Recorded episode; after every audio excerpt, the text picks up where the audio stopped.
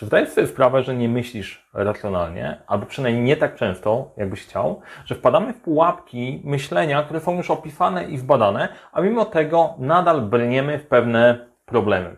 Dzisiaj pokażę Ci w tym odcinku, jak Wy poradzić jedną z nich i jak wykorzystać tę pułapkę na swoją korzyść w projektach. Serdecznie zapraszam.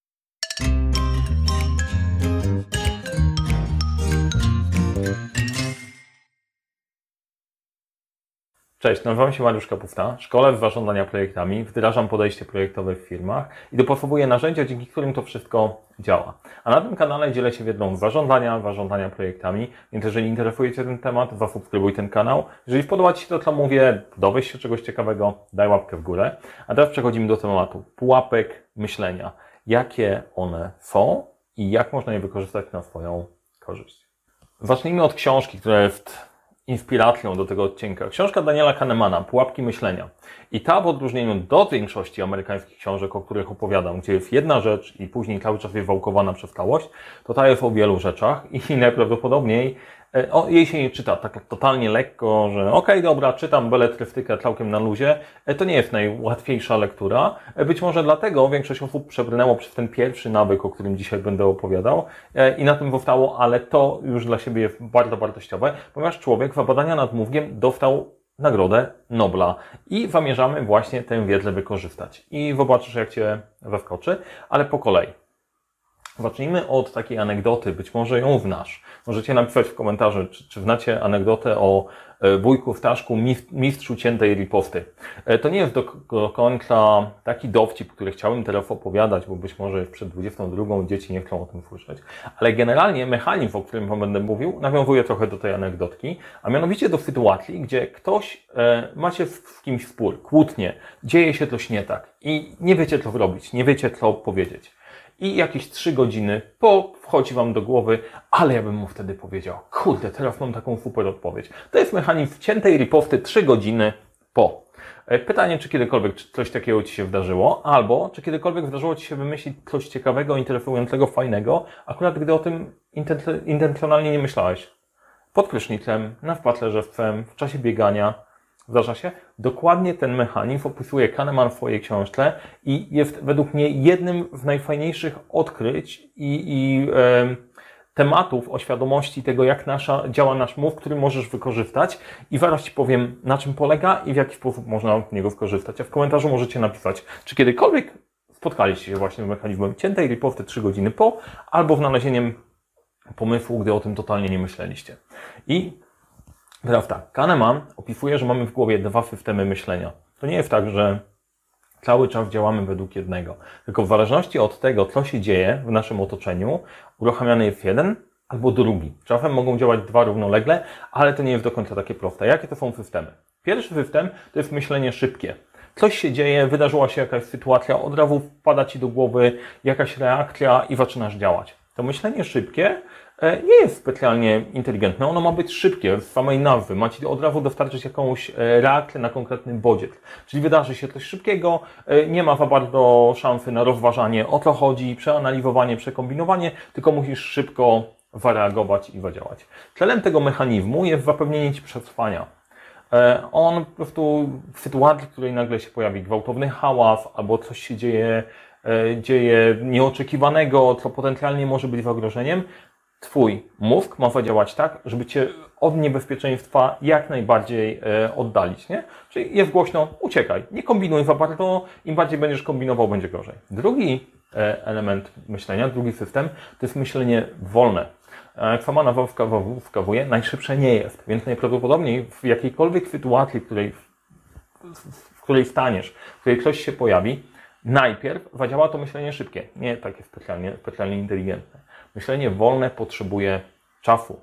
Stąd trzy godziny po, jak się zastanowisz nad sytuacją, wykombinujesz, sięgniesz do swoich zasobów, to ta riposta Twoja będzie super, mega wspaniała, nie? Szkoda tylko, że jest trzy godziny po, a nie w momencie, kiedy była Ci potrzebna. Natomiast, ok, co daje ta wiedza? Dla mnie to jest, e, po pierwsze, tłumaczy skąd się biorą pewne, pewne rzeczy, o zjawiskach, które obserwowaliśmy, a po drugie, wiedząc świadomie, że masz takie systemy w głowie, jesteś w stanie w nich odpowiednio skorzystać. Jak?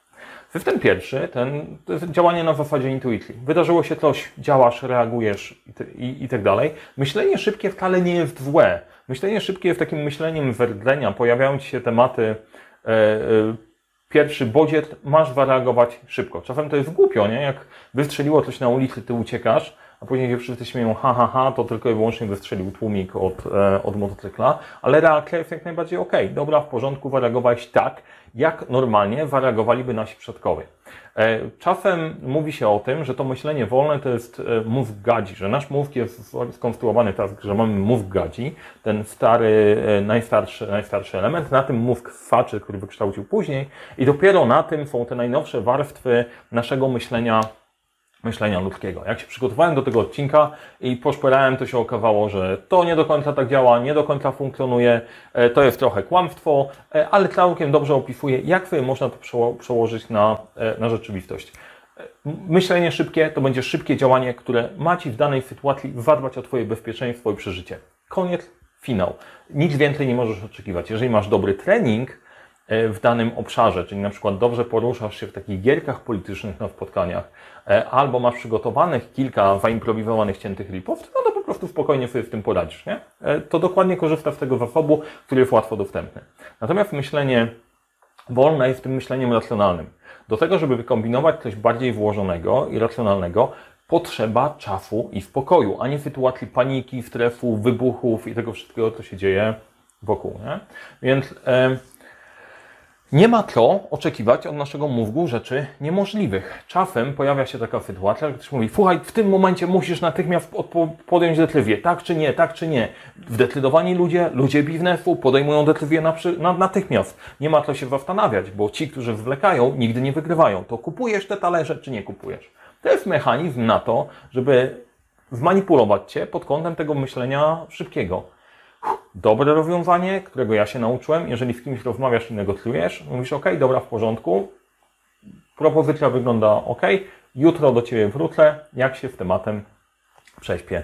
I to przesypianie się z tematem nie jest wcale takie głupie, bo uruchamia Ci się to myślenie wolne, myślenie racjonalne. Jesteś w stanie zobaczyć, czy nie pojawiają się jakieś sygnały, nawet te intuicyjne, których nie potrafisz wyjaśnić, które sprawiają, że coś Ci nie do końca pasuje. Ja bardzo często spotykałem się z sytuacją, że coś mi nie do końca grało, dopiero po jakimś czasie okazywało się, o co tak naprawdę chodziło, że było pod spodem coś nie tak.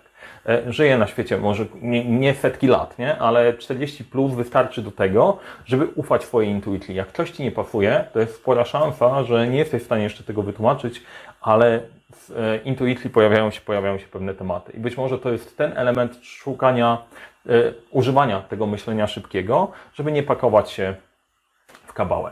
Jak można wykorzystać to w projektach?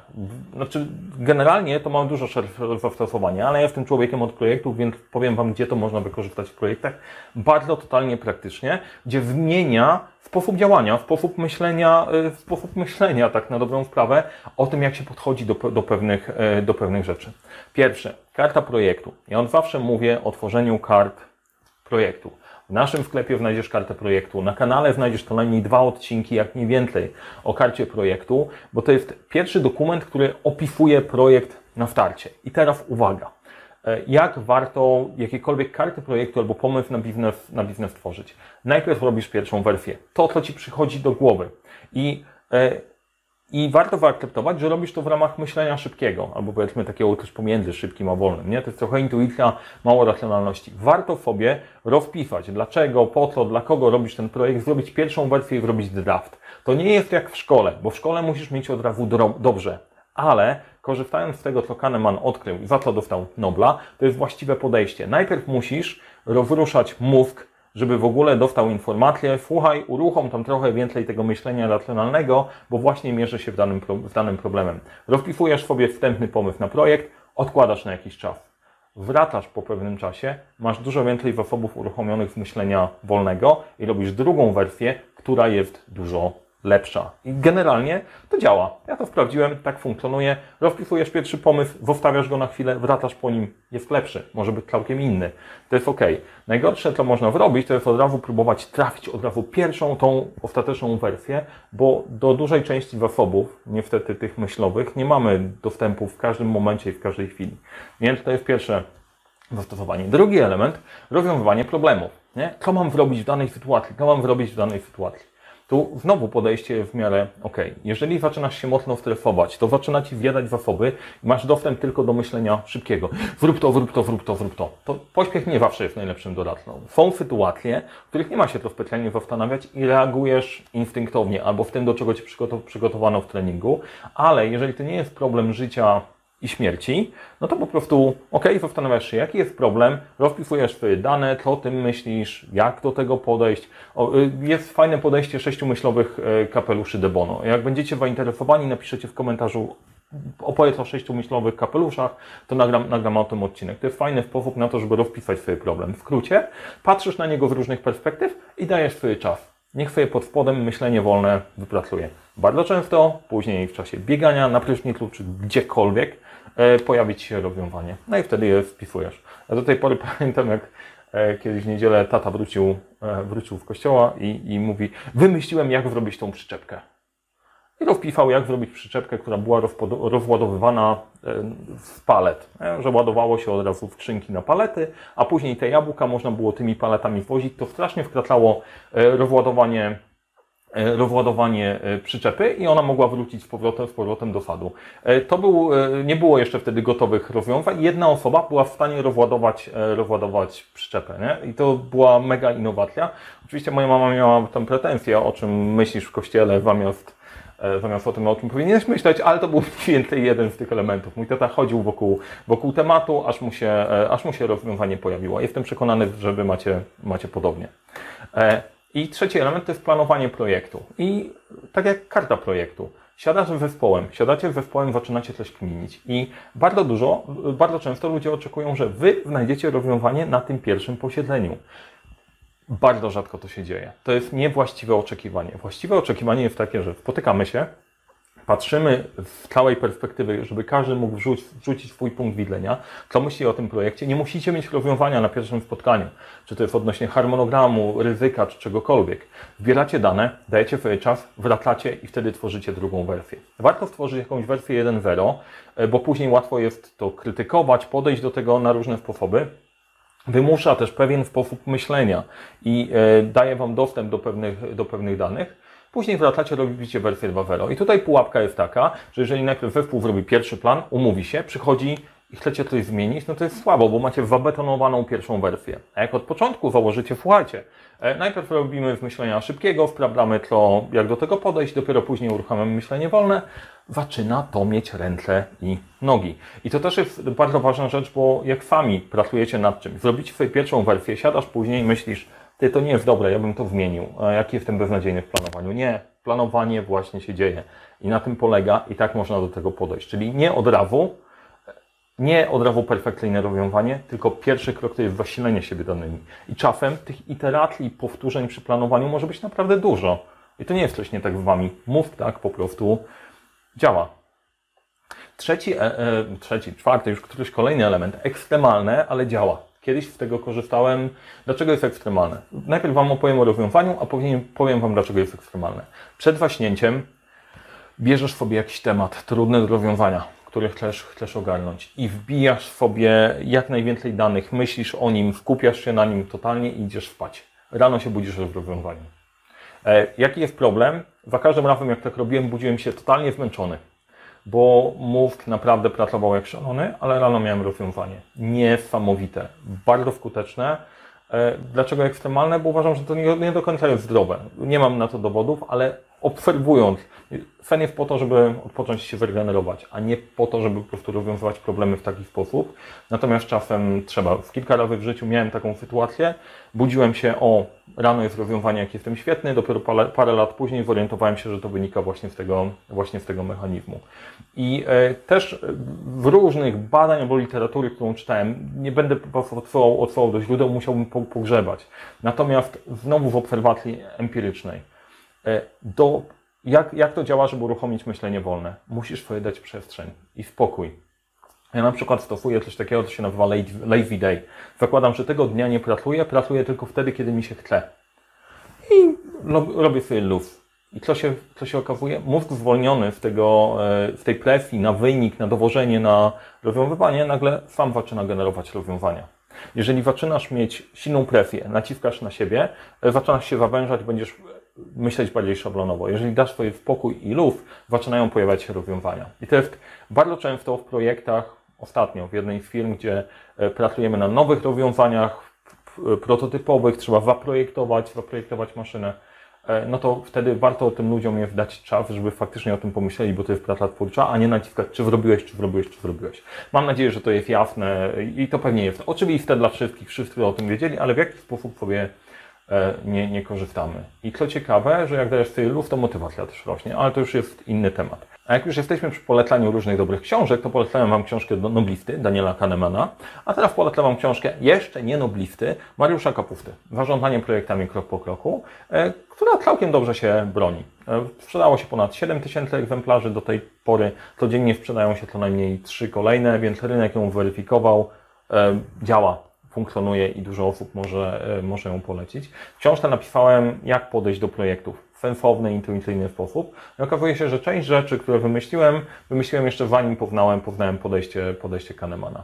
E, W opisie do tego wideo znajdziecie link do książki, razem z kartami, które ułatwią Wam planowanie, podejście i myślenie, myślenie do projektów i mam nadzieję, że Wam się to przyda. Jeżeli macie tą książkę, to możecie w komentarzu napisać, jak się Wam ją czytało, co w nią wyciągnęliście. Będzie, że nie będzie, gołosło, nie będzie gołosło, że jestem gołosłowny i nikt tej książki w życiu nie przeczytał. E, Z mojej strony to wszystko. Powodzenia w projektach. E, Życzę Wam jak najwięcej ciętych ripost, dobrze przygotowanych planów, żeby Wasze myślenie szybkie działało w zgodzie z myśleniem wolnym, żebyście szybko myśleli w ten wolny sposób. Powodzenia.